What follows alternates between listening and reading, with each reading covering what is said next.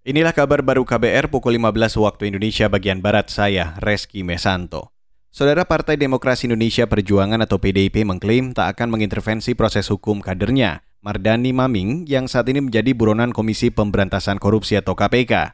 Kepala Badan Bantuan Hukum dan Advokasi Rakyat DPP PDIP M. Nurdin dalam keterangan tertulis meyakini Ketua DPD PDIP Kalimantan Selatan itu akan kooperatif terhadap proses hukum di KPK. Maming adalah mantan Bupati Tanah Bumbu Kalsel yang menjadi tersangka korupsi izin usaha pertambangan atau IUP. Sebelumnya KPK mengultimatum Maming segera menyerahkan diri usai memasukkan nama Bendara Umum PBNU ke daftar pencarian orang atau DPO.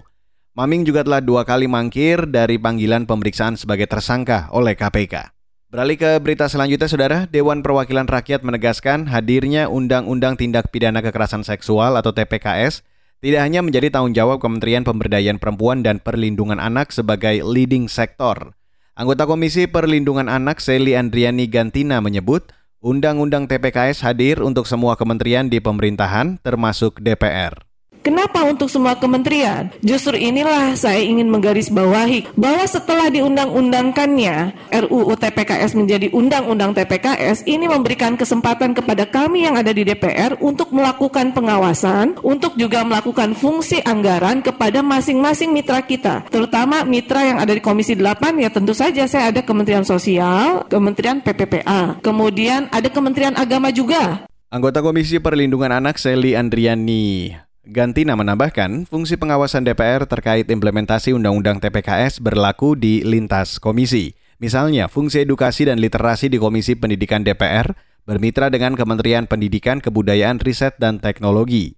Kemudian, fungsi penegakan hukum di Komisi Hukum DPR bermitra dengan kepolisian terkait penegakan hukum bagi pelaku kekerasan seksual. Sekarang kita bergabung bersama VOA Saudara. Data Badan Pengungsi PBB UNHCR menyebut kedatangan imigran ke Italia hingga pekan lalu mencapai 34 ribu orang, meningkat dari tahun sebelumnya.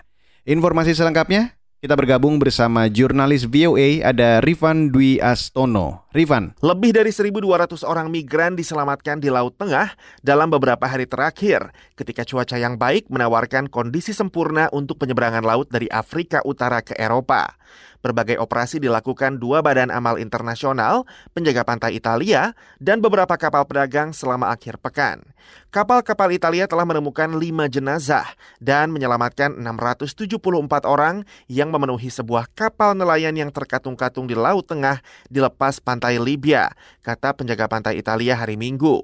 Sementara badan-badan amal Eropa melaporkan telah mengevakuasi lebih dari 500 orang. Beberapa orang yang selamat harus dievakuasi dari laut laut dalam operasi yang dilakukan Italia hari Sabtu, 190 km dari lepas pantai Calabria oleh kapal dagang angkatan laut, tiga kapal patroli penjaga pantai, dan sebuah kapal polisi keuangan. Semua orang yang selamat dibawa ke pelabuhan-pelabuhan di Calabria dan Sisili. Baik, terima kasih Rifan Dwi Astono, jurnalis Voice of America. Dan saudara, demikian kabar baru saya Reski Mesanto.